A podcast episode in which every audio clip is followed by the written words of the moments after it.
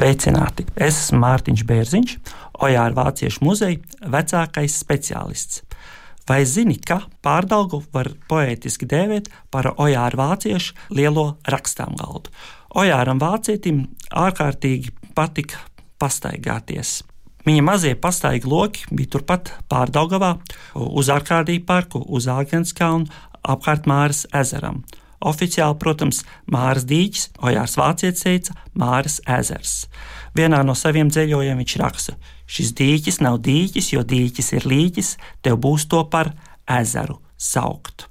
Dzēnieks Evers Neberts, ap citu, teica Māras okeāns, bet Ojāram Vācietim Māras ezers un garie pastaigi loki Ojāram Vācietim reizēm pāri visai Rīgai - 10, 15, arī 20 km dienā. Vācietis gāja ar kājām.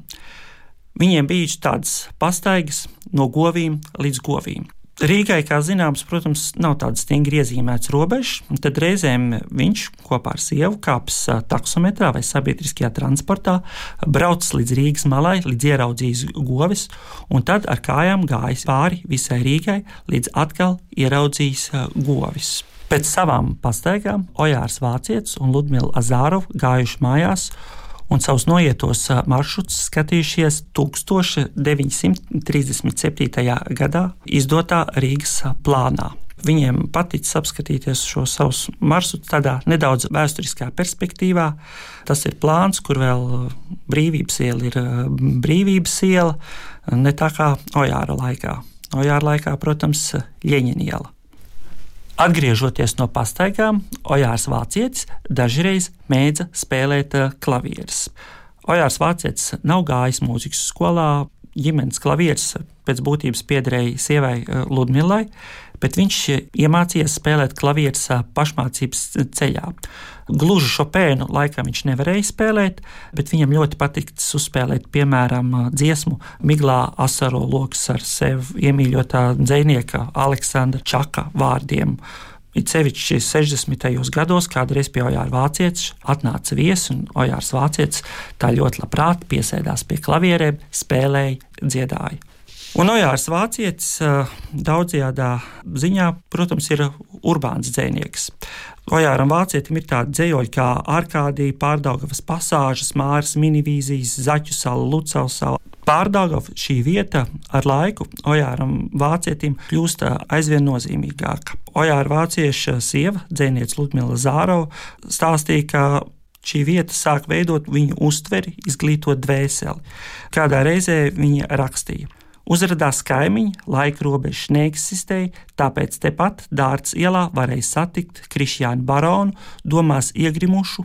Johans Kristofs Brocis stāvēja ezera krastā ar molbertu un pasteļkrītiņiem, kopā ar Raini un Aspaziju varēja pastaigāties zem arkas Arkādija parkā. Rihards Vāgners drūms sēdēja pie galda un domāja, ka pienācis laiks beigt no Rīgas. Cenders, Stradiņš, Straubergs, Dārziņš, Purvītis, Tomi, Plūdons, Merķels, Kants, jā, arī Kants pavisam tuvu karalaučos, akurāters pāri ielai, brīvzemnieks tepat aiz stūra. Kādā no savām pastaigām Ojārs Vācietis redzējis, ka tiek lausta ārā kāda bruģētā Rīgas iela. Viņš jautāja ceļu strādniekiem, ko darīs ar šiem akmeņiem. Viņam teica, ka vedīs uz kādu purvu mežu, atstās nogremdēs. Ojārs Vācietis tā, protams, nebija ar mieru. Viņš samaksāja tajā laikā 25 rubļus, un viņam tos akmeņus atved uz mājām. Ojārs Vācietis šīs divas bruģakmeņu kaudzes uzdāvināja savai sievai Ludmilai tā tās akmeņu kaudzes joprojām stāv pie Ojāra Vāciešu muzeja. Ludmila Zārova tik tiešām šo dāvanu spēja novērtēt.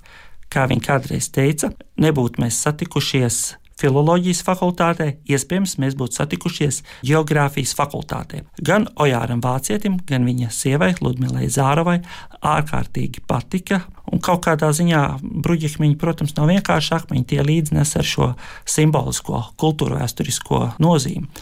Tas ir tas pats bruģis, pa ko staigājuši tie paši iepriekš minētie dārziņš vai rainis vai aspazīši.